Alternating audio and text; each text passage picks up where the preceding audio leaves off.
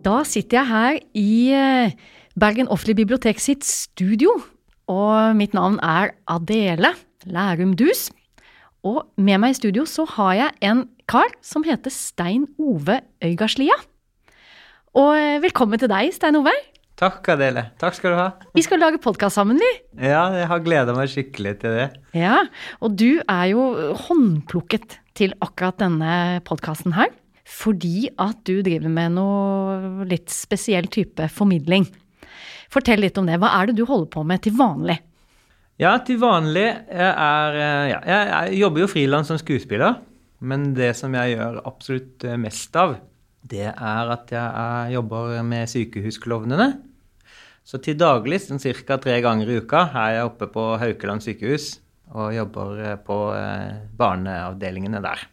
Ja, og det er nettopp derfor jeg syns det var så spennende å snakke med deg om det å formidle, og det å være i et rom, og hvordan du gjør det, rett og slett. Sånn at det er jo veldig få som får være til stede når en sykehusklovn jobber, så kan ikke du bare fortelle sånn grann om hva er det nøyaktig du gjør når du er sykehusklovn?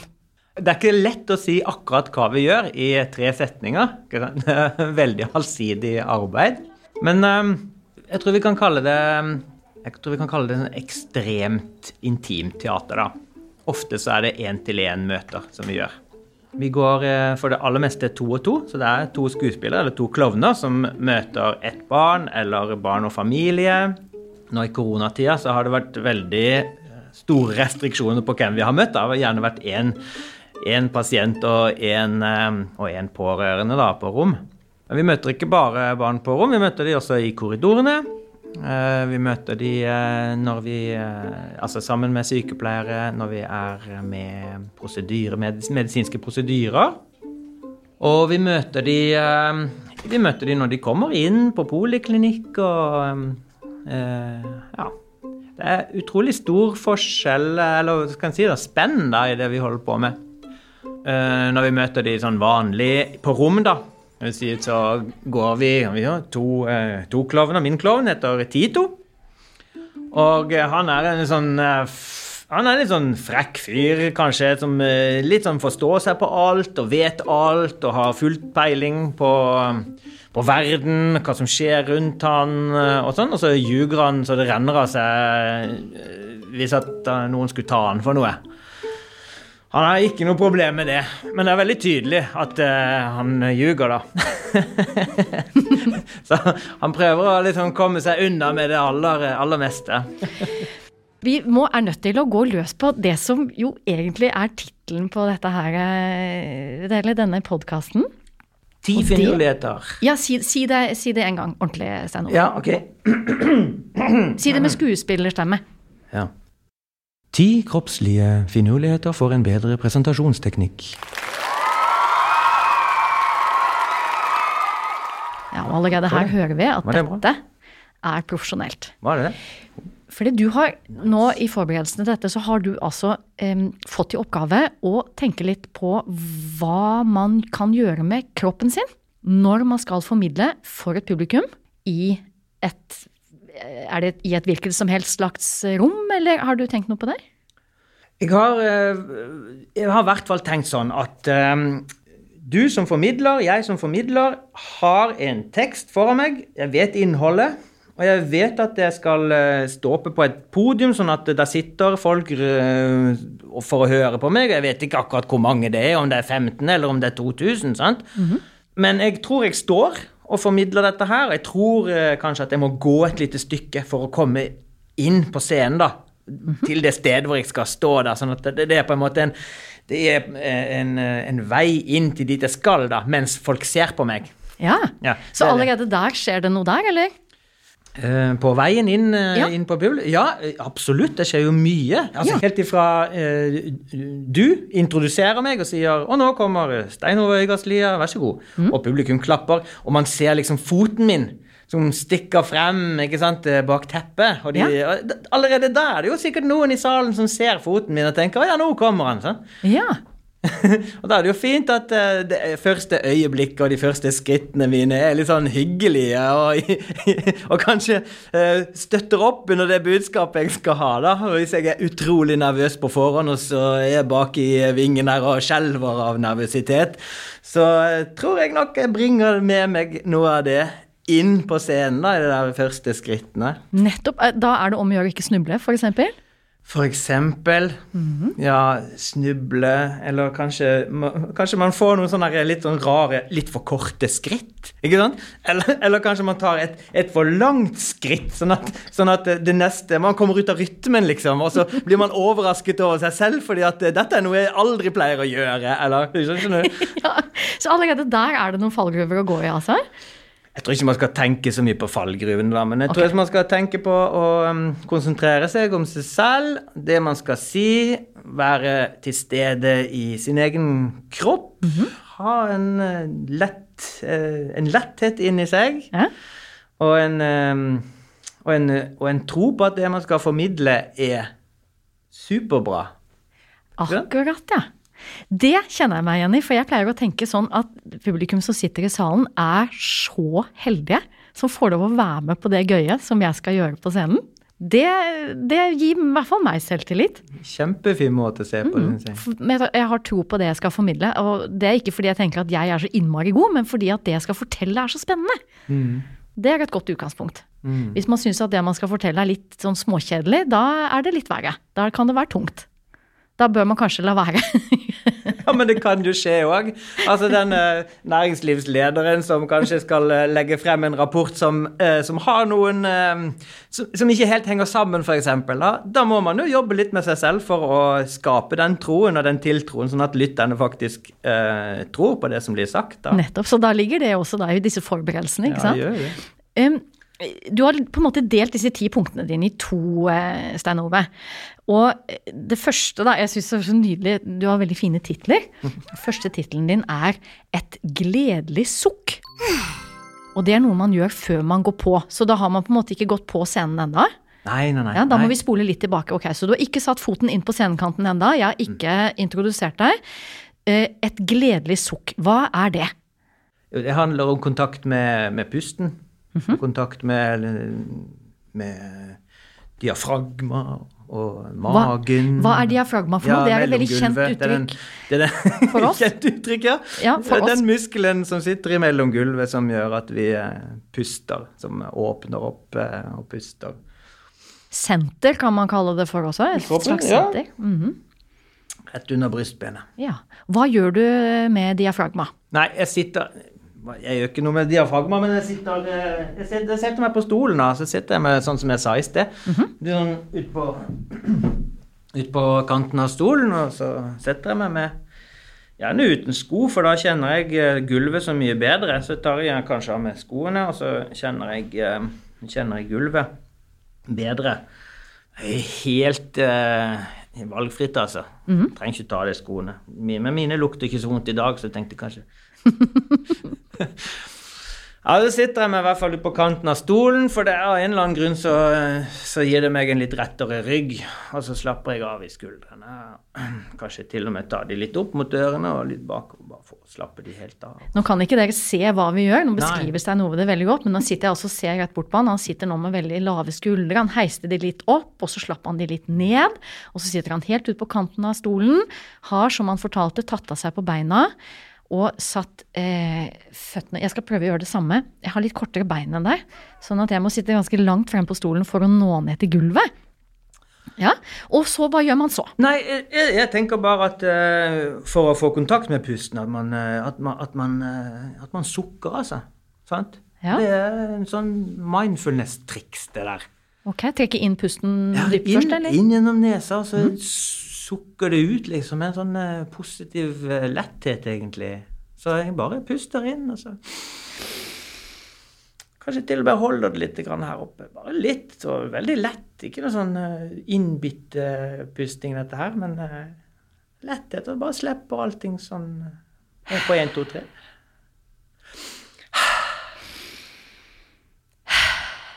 Kanskje jeg gjør det et par ganger, da. Det var litt deilig, egentlig.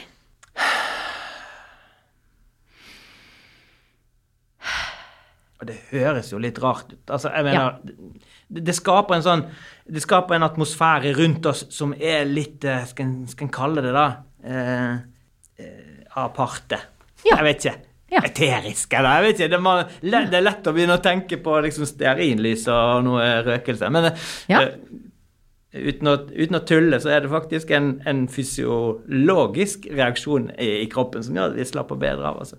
Det, that's it. Og det er jo ikke noe hokus pokus. Altså, det er jo en veldig god ting i mange sammenhenger, ikke bare når man skal formidle. Så dette er kanskje noe man burde gjøre litt eh, ellers òg. Ja, jeg prøver sukker så ofte. Og jo mer stressa jeg er, jo mer sukker er jeg. Nettopp. Så eh, skal man inn i boblen, sier du. Ja, jeg kalte det nummer to, da. For dette tenker det er viktig at man har kontroll på det rommet som er rundt en. Sånn, det, det umiddelbare rommet rundt en, det er eh, mitt, eller ja, vårt, personlige rom.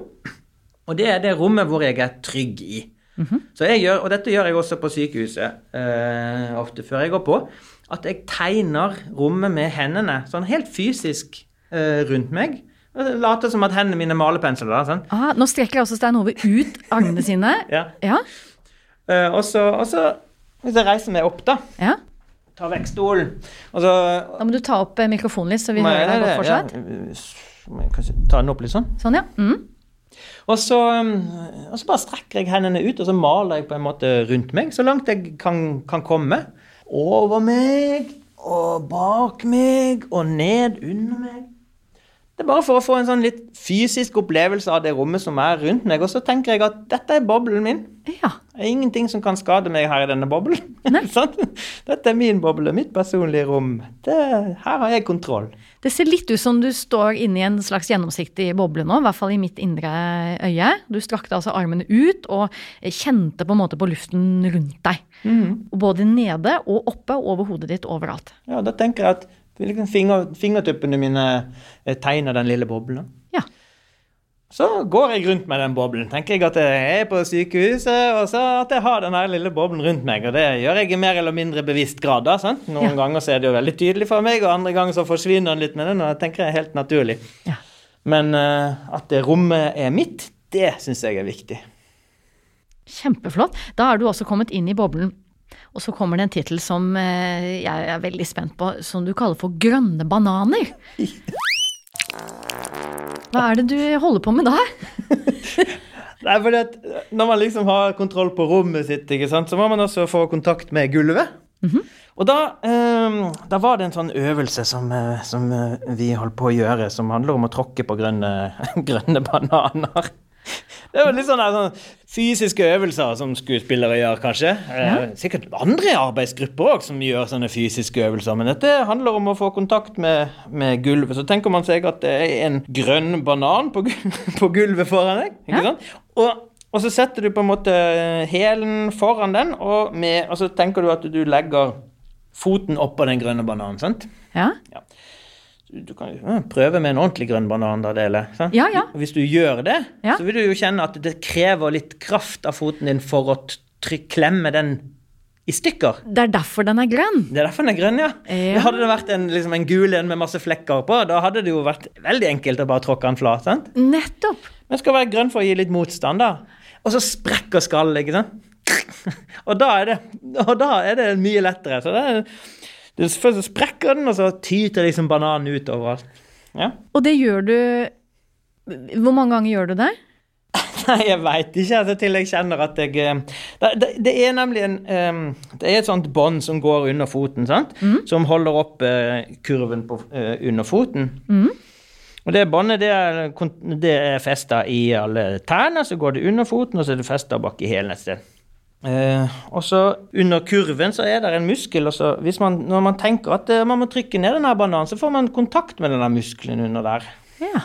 Og når man, når man gjør det, så om man står rett opp og ned, har tråkket kanskje det Si at man tråkker ti ganger på hver fot, da. Ja. Og så, da har du på en måte kontakt med den muskelen, og så står du rett opp og ned. Og så kjenner du dette denne muskelen, og presser den ned i gulvet. Da får man nesten umiddelbar kontakt med det underlaget du står på. Nettopp. Og det det er litt viktig at det ikke blir sånn innbitt kontakt her òg, da, men at det er en avslappethet i føttene dine. Ja. Men at du allikevel kjenner den eh, kontakten gjennom eh, undersiden av foten. For du står med litt bananskvis under Ja. fotbladene Og fortsatt. tærne. Litt Ja. mellom tærne. Ja. Litt sånn mykt under. Ja, fint bilde. Kontakt med gulvet, kjempeviktig. Greit. Da har vi kontakt med gulvet, og nå skal vi få ball i bekkenet. Man må jo løsne opp litt sant, i hoftene. Da tenker jeg eh, Nå, står jeg, sant, jeg har kontakt med gulvet, og, så, eh, og, og da har jeg eh, litt sånn brekk i knærne, litt sånn løse knær. Og så tenker jeg at jeg har en liten sånn håndball, kanskje litt mindre enn en håndball, sånn lekeball, da, inni bekkenet. Ok? Sånn? Og så ruller jeg på hoftene, da. Og da tenker jeg at den eh, lille ballen inni bekkenet beveger på seg. Sånn? Så ruller jeg den frem og tilbake, da. Ja, nå står altså Stein Ove og ruller på hoftene som om han var eh, på karneval i Rio, minst. Oi, nice! Eller kanskje på zumba-kurs på vestkanten. ja. Her, det, Rundt og rundt. Dette er jo bare gøy. Det er sånn som jeg eh, holder på med bare for å leke meg litt. Og Ja. Det er jo ikke noe som eh, alle trenger å gjøre sånn med et stort uh, publikum foran seg. Jeg mener, uh. Poenget her er å løsne, løsne opp hoftene Ja. og få jordinga opp i uh, hofteområdet òg. Nettopp. Da kan du godt stå helt innenfor deg selv i en krok og gjøre det hvis, det, hvis det er det. Men jeg tenker det for, å, for at den jordinga du har i føttene skal arbeide seg opp i kroppen, Ja. så er det godt å gjøre det. Og det er godt å ikke være helt stiv som en pinne kanskje når man skal stå og formidle også.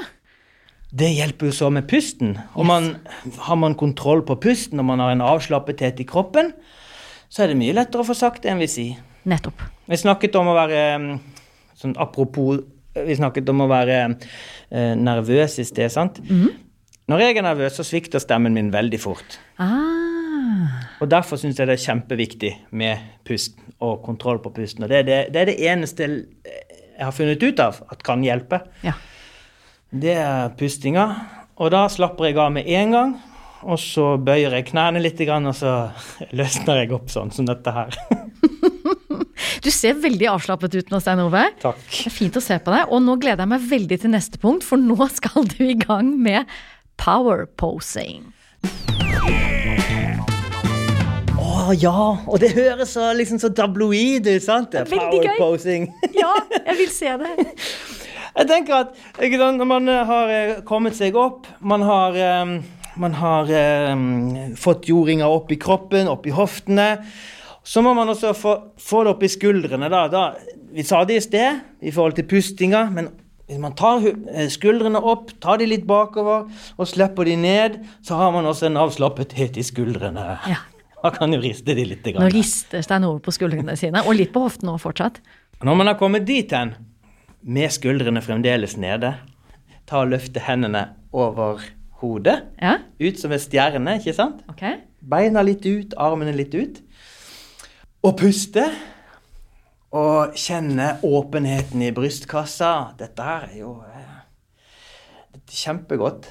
Ligner litt på en rockestjerne nå, Stein Ove. Takk skal du ha. Eller, eh, eller eh, noen yogafolk eh, kan jo være òg. Absolutt. Um, å stå sånn og innbille seg at man står foran et publikum, at det er noen som ser på For med en gang man innbiller seg at det står noen og ser på, så gjør det noe med en. Absolutt. Det, og det er sant. Ja. Så jeg tenker stå sånn, avslappede skuldre. Hoftene de har rullet, knærne de er løse, føttene har kontakt med jorden. Brystet er åpent, armene ut. og puster. Det blir powerposing for meg. Men så er det én ting til. Og det er at jeg gjerne vil ha vekten foran på tærne. Ja. Eh, ikke, i, I hvert fall ikke bakover. For det, handler om at jeg gjerne vil lene meg litt mot publikum. Det handler om at eh, kanskje at den jeg er, som formidler det, og budskapet mitt, skal den veien mot publikummet. ikke sant? Ja. Så jeg vil gjerne ha vekten fremover for, for å forberede meg selv og forberede budskapet mitt på at det skal den veien. da. Ja. Eh, hvis jeg lener meg bakover, det, det kjenner man ganske tydelig hvis man gjør det. Eh, ganske tydelig, i hvert fall. Hvis man lener seg bakover på eh, hva heter hælene, så får man en litt mer sånn defensiv uh, følelse inni seg. Mm. Er det lurt å gjøre det? Prøve, altså prøve begge deler, så man kjenner forskjellen Ja, det syns jeg. når man gjør den øvelsen? Absolutt. Det er en stor forskjell. altså. Hvis man tenker at man har et publikum og man lener seg fremover mot det å stå bare sånn bakover, Ja. dessuten bakover, så, Ja. så mister man jo balansen mye lettere. Nettopp. Mister likevekten med en gang.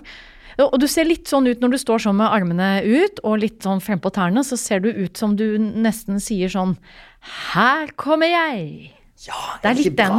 Ja, Ja, det er jo kjempefint. fint. Du har nå gjort powerposing og er klar til å begynne å si frem budskapet ditt. Og da er det triks som du kaller for timing.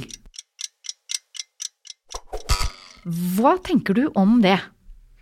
Jeg tenkte, Du ga meg jo bare ti punkter, ikke sant? Mhm. så jeg har ikke klart å komme veldig dypt inn i det med stemmebruk og stemmeoppvarming. da. Nei. Men dette er noe av det nærmeste vi kommer på stemme, tenker jeg. Ok? Med den eh, fysiske skuespillerbakgrunnen som jeg har, eh, så, eh, så er jo analyse av bevegelse veldig viktig. Ja. Og da analyserer vi også stemmebruk som en bevegelse. Og da kan man sette sammen to bevegelser i forhold til hverandre i tid, så timing, da. Man kan gjøre eh, Så nå sier jeg f.eks. Eh, gå, og så gjør jeg en bevegelse med hånden min, sant? For eksempel så stryker jeg meg Det må være noe som kan høres på, på lyd, da. Så jeg stryker meg på skulderen, da. Så jeg sier gå, så stryker jeg meg på skulderen. sant? Ja. Ok, så i uh, tidsperspektiv da, så kan jeg begynne med å si gå. Ok, Så kommer bevegelsen etterpå. Det er, si det er nummer én. Ja. Det sier gå, og så kommer bevegelsen. Ja. Og så kan jeg gjøre det motsatt. Jeg kan gjøre bevegelsen først, og så kan jeg si gå. Ok, bevegelsen, gå. Og det gir to ulike valører i tolkningen Ja. av uttrykket, da. Tolkningen av, av bevegelsene. Så fins det en tredje modus, sånn. Begge to kommer samtidig. Gå. Så det er det tre forskjellige måter å tolke eller analysere bevegelsene på, da, i forhold til tid. Derfor timing. Så jeg tenker, Det som jeg gjør før eh, jeg går på, er å leke meg litt med det. Ja. Så jeg gjør noen bevegelser, og så har jeg noen replikker. Ja. Så jeg sier f.eks.: Hei, du! Og vinker til noen. Hilser. En hilsen, sant? Ja. Hallo! Eller bevegelse. Hallo! Eller begge to samtidig. Hallo! Og det gir tre forskjellige valører i den halloen, ikke sant? Ja. Ja. Og sånn eh, tenkte jeg at det var kjekt å eh, tune seg inn på teksten og på, eh, og på eh, budskapet i teksten, og tenke på det fysiske uttrykket du har når du står der og, og eh, sier det. Så hva er det man gjør når man står og liksom presenterer? Nå har jeg tenkt at man står kanskje ved en talerstol, eller forholder seg til et eller annet objekt i rommet der, ikke sant? Eh, og Eller en bok. Man holder en bok i hånden. eller en bok, ja, ok. Ja. Um, så kommer man til, slutt, til slutten av en bok, da, eksempel den siste setningen, og så um, blar man om. Sier man det siste, det siste setningen før man blar om, eller blar man om mens man husker hva den siste setningen er, eller gjør man, eller gjør man det begge to samtidig? Nettopp. Sånn. Så sånn kan man egentlig leke seg mens man forbereder seg og øver, da, egentlig. Og så finne ut forskjellige måter å tenke stemme og bevegelse. Enten stemme først, så bevegelse, eller bevegelse først, så stemme. Og det siste, det var samtidig. Og jeg tenker det viktige er den lekende inngangen, da. Å være nysgjerrig på hva som skjer, og, finne, og leke seg litt med det. Det tenker For meg i hvert fall er det det viktige. Og clouet her er vel at det, det forandrer seg. Kjenne at det er annerledes. Det er ikke likt. Det er ikke likt, og det fins ikke noen regel. Det fins ikke noe bra eller ikke bra her. Nettopp. Å, så gøy. Så er vi altså kommet på scenen, og da er det noe du kaller for casting the net. Det ble på engelsk hæ? Det skulle vært på norsk. Ja, Hva ville du sagt på norsk, da? Kaste nettet. Ja. Jeg tenker når du står der eh, foran publikum eh, Vi har jo snakket om de første skrittene allerede, sant? Og da tenker jeg det man har gjort bak, man har vært usynlig, og man har stått der og rullet på hoftene og powerposa litt i et hjørne for seg sjøl og Ikke sant? Alle de tingene har gjort deg rolig og avslappet, forhåpentligvis kryss i taket. Og da tar man med seg den roen i de første skrittene inn på scenen. Sånn. Det er det viktige med den forberedelsen man gjør bak. Og så når man kommer ut, så er det jo en hel del ting man må forholde seg til. Og for det aller første så er det det at der sitter noen og ser på. Og det er veldig fint å ha kontakt med dem. Og kanskje så tidlig som mulig òg. Eh, I hvert fall liker jeg det. Og da mener jeg å se på dem. og prøve å få øyekontakt med noen av de som sitter der. Um, og så Altså, når jeg har eh, kommet meg på plass der jeg skal stå, så liker jeg å ta et øyeblikk og se over hele forsamlingen. Da står jeg egentlig rett og slett i ro, og så tenker jeg at med blikket mitt nå, så fanger jeg alle sammen. Fra høyre eh, mot venstre. Fanger alle sammen inn i mitt nett, da. Ja. Det er det jeg kan ta, kaste nettet rundt de, og så eh, er jeg klar ja. til å begynne. Jeg tar meg det lille øyeblikket da, til å se over forsamlingen og skape en connection. Tør du da å se dem rett i øynene, eller ser du rett over eh, hodet på dem? Jeg ser de rett i øynene. Ja. Det er ikke nødvendigvis sånn at man trenger det. Mm. Man kan godt se over dem. Mm. Jeg skal ikke liksom peke fingeren og si, men jeg liker å kjenne at jeg har en emosjonell kontakt med de. Ja. Og det er jo sånn man kjenner når man står der, at den kontakten forandrer seg litt underveis. Når mm. man går fra høyre side av publikum og liksom mot venstre, mm. så kjenner man at, eh, at uh, det endrer noe i meg, da. Inni, inni meg ja. underveis i, i, den uh, Mens jeg kaster nettet. Mm. Og det er på en måte min definisjon av hvem publikum er. Hvem er det jeg snakker uh, for? sant? Ja. I hvert fall den Eh, aller første definisjonen som jeg forholder meg til publikum med. Bruker du det da seinere? Ja, hele tiden. Og, og mens, mens, publikum kommer med reaksjoner på det jeg sier underveis, ja. så redefinerer jo jeg den oppfatningen jeg har av publikum. Ut ifra den første kastinga, ikke sant? Da er du inne på det med å lytte igjen. Mm. Som du jo gjør da når det er én til én når du klovner. Ja, og mm. det tenker jeg er kjempeviktig å ta seg tid til. Mm. Man har jo et budskap, og man vil jo gjerne komme, igjen, øh, komme igjennom det, eller få det ut. Og man kan jo til og med være veldig ivrig for å få det ut, ikke sant? Mm. Da står man jo av og til i fare for å gå litt for fort frem. Ja. Få det ut så fort som mulig, eller fordi det er så fantastisk, så må det ut så fort som mulig. Eller fordi at jeg er litt nervøs, så må, det, så må jeg bli ferdig med det. Ja. Men jeg tenker eh, det med lyttinga, og det er de rommene mellom rommene hvor det ikke sies noen ting. Hvor man uh, avventer publikums reaksjon, eller hvor man poengterer noe i stillhet. Mm. det er viktig, altså. Mm. For å skape luft og for å skape uh, den kontakten. Ja. Og hvis det skulle slumpe til at de til og med ler av noe? Av og til kan man jo bli litt overraska ja. når det skjer. Ja. Og i hvert fall når man gjør noe for første gang, da. Ja. Så kan man jo få bakoversveis på steder som man aldri hadde trodd at noen skulle le. Sånn. Ja. Og det å ta seg tid da til å la den latteren få lov å, å leve litt, ja. Og ikke haste videre med en gang, ja. det er ganske deilig, er det ikke det, Stein Ove? Det er, jo en, det er jo et rush, da. Ja. Det er et rush. Altså. Det er det. Ja. ja. Så det skal vi ta oss tid til å nyte. Men så sier du at man skal projisere stemmen. Jeg tenker eh, bare at man må snakke til hele salen. At man må snakke til bakerste rad. ikke sant? Ja. Og da eh, kommer man så veldig mye lenger hvis man har, eh, hvis man har kontakt med gulvet. Hvis man eh, har de lette knærne, og man har eh, avslappede hofter, avslappet bryst og, eh, og skuldrene nede. For da har man kontakt med pusten, og det er lettere å få ordene ut gjennom, sant, gjennom stemmebåndene og resonnere i hodet, og, og, kanskje til og med brystkasse og rygg hvis at man er der, og så, og så, få det ut. Og det å tenke bakerste sal heller enn Nei, altså bakerste rad heller enn å tenke de man faktisk uh, kan se som nærmest, ja. det, det kommer man jo veldig mye lenger med. Det er veldig lurt. Men så kan det hende at noe blir gelé? Ja, jeg kalte det gelé, det Ja. der punkt nummer ni. Hva skjer da? Jo, for det kan, man kan jo få gelé i stemmen. Ja.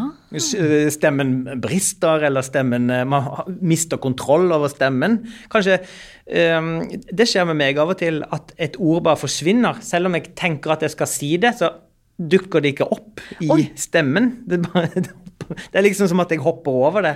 Oi. Eh, men jeg er nå veldig Jeg er fæl på uavsluttede setninger, altså, det må jeg bare si.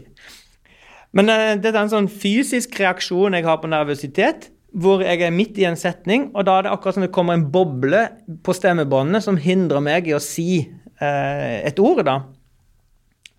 Det er altså det eneste jeg kan finne ut som kan hjelpe mot det der, og det er selv om det skjer når det er eh, folk som ser på meg, det er bare å ta meg sammen eh, plante beina på nytt, eh, kanskje til og med rulle på skuldrene og si til meg selv så ærlig som mulig at nå trenger du bare ett sekund, Stein Ove. Ja. Pust en gang til, pust ut, slapp av. Det er ikke verdens ende. Nei. Et lite gladsukk Ja, kan man tillate seg midt inni òg. absolutt. Og det er jo Jeg syns det henger sammen med, med det der med å ta seg tid og lytte, som vi snakket om i, sted. da. Men den der geleen kan jo ende opp i skjelvende hender eller dirrende føtter. Man kan jo ha opplevelsen at liksom beina ikke, ikke bærer det, ikke sant? Ja. Ja, da kan man jo da, Hva gjør man da? Setter man seg ned, eller? Min første reaksjon er å holde fast i noe. Ja. Og, da, og da holder jeg veldig hardt fast i noe. Hvis, at det står, hvis det er en, liksom en talestol, eller det er en stol, eller det er en, et bord, eller noe, da, da holder jeg fast. Og så tenker jeg, da holder jeg kanskje litt krampaktig fast. Ja. Ikke sant? For at eh, det Det er kanskje helt naturlig, fordi at det gjorde meg, da. Ground, Grounding der igjen. Ja. Og så slutter det med den der eh, skjelvinga i hånda når jeg holder fast. Men der igjen tenker jeg det eneste som hjelper meg, i hvert fall, er kontakt fra beina, opp gjennom knærne, hoftene, pust og avslappede skuldre. Det er det eneste som roer meg ned, altså. Og ikke glem at du står på litt uh, skorset banan. Nei. ja, kan det, det hjelpe sant. å tenke Ja. på det? Dette med, med røttene, hvis jeg, sant? eh, man tenker dype røtter Hvis man tenker at man har ekstremt lange bein, da, som liksom borer seg ned i underlaget Jeg har tenkt at det kanskje kan hjelpe hvis at man har sjanse til å slappe av i det øyeblikket man kjenner at beina holder på å gi etter. Ja. Og så puste, slappe av igjen, og bare glemme alle som står og ser på deg. ikke sant? ja. Og så tenke jeg har to kilometer lange bein. Du ser bare toppen av isfjellet, liksom. sant? ja. Da er man jordrett. Ja, da, forhåpentligvis kommer man seg dit, ja. Og så kanskje sånn, nå skal jeg si noe veldig praktisk. Hvis man eh, ofte blir eh, nervøs slik at man skjelver på hendene, så er det lurt å ikke velge ett enkelt A4-ark å holde i. For da blir det veldig synlig det du, at du skjelver. og da kan man bli mer nervøs bare av det. At, det blir så, at man blir så sårbar, egentlig. At man alle kan se det så godt. For veldig mye av det med nervøsitet foregår på innsiden. Eh, Men det å skjelve på hendene, det kan bli veldig synlig. Og da kan det bli litt eh, ekstra vanskelig. Så mitt eh, stalltips der er putt ting inn i en mappe som ikke blafrer. Så ikke lager lyd. Så kan du skjelve så mye du orker, faktisk. Nå er vi altså kommet til sakens kjerne.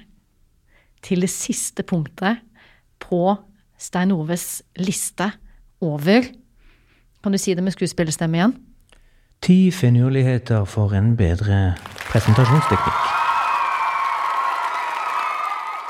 Hva er punkt ti? Jeg, kalte det rumpehullet. Stein Ove, hvorfor i all verden ikke kalte du det for rumpehull da? Jo, fordi at jeg, jeg, jeg leste en bok av Yoshi Yoshio Ida, som eh, er en av skuespillerne til Peter Brook. sant? 60-tallet reiste rundt i Afrika, masse forestillinger i, i, i Frankrike, Paris. Ok, i hvert fall. Eh, en eh, japansk skuespiller, fantastisk person. Jeg leste den eh, lille, ganske tynne boken av han, og, og eh, han gjennomgår eh, en, hvordan skuespillere kan forberede seg. Um, et, et sånt tips der som kommer i denne boken, dette er ikke mitt tips, men det her kommer ifra, ifra han fra japansk kultur. Det handler om at hvis man trenger, hvis det er et øyeblikk en, Dette er i forhold til en forestilling, sant? hvor man vet at man trenger litt ekstra energi. Så er det å knipe sammen den lille muskelen baki der, det er Det gir det lille ekstra. Ah. Så jeg tok med det, for jeg tenkte av og til trenger man faktisk det. Og det er jo ingen som ser det heller. Nei. Så hvis man står der foran publikum og tenker at nå trenger jeg bare å gi på litt til, bare for å Kanskje det er liksom eh, bare den lille pynten på toppen når man skal liksom gjøre det ferdig, eller man har, eller man, uh, har rota seg bort i et eller annet som man ikke kommer seg ut av, og man trenger litt ekstra energi for å komme seg ut. ikke sant? Så bare, bare stå der og liksom eh, OK, da trenger jeg bare å knipe sammen litt ekstra og da! Og der er vi. Da er vi der. Jeg kan nesten ikke forestille meg en bedre avslutning på denne podkasten enn akkurat dette. Tusen, tusen takk skal du ha, Stein Ove. Jeg er sikker på at de som hører på, har fått med seg utrolig mye på veien når de skal ut og formidle for sitt eget publikum. Tusen takk skal du ha. Tusen takk, Adele, for at du spurte meg. Ha det godt.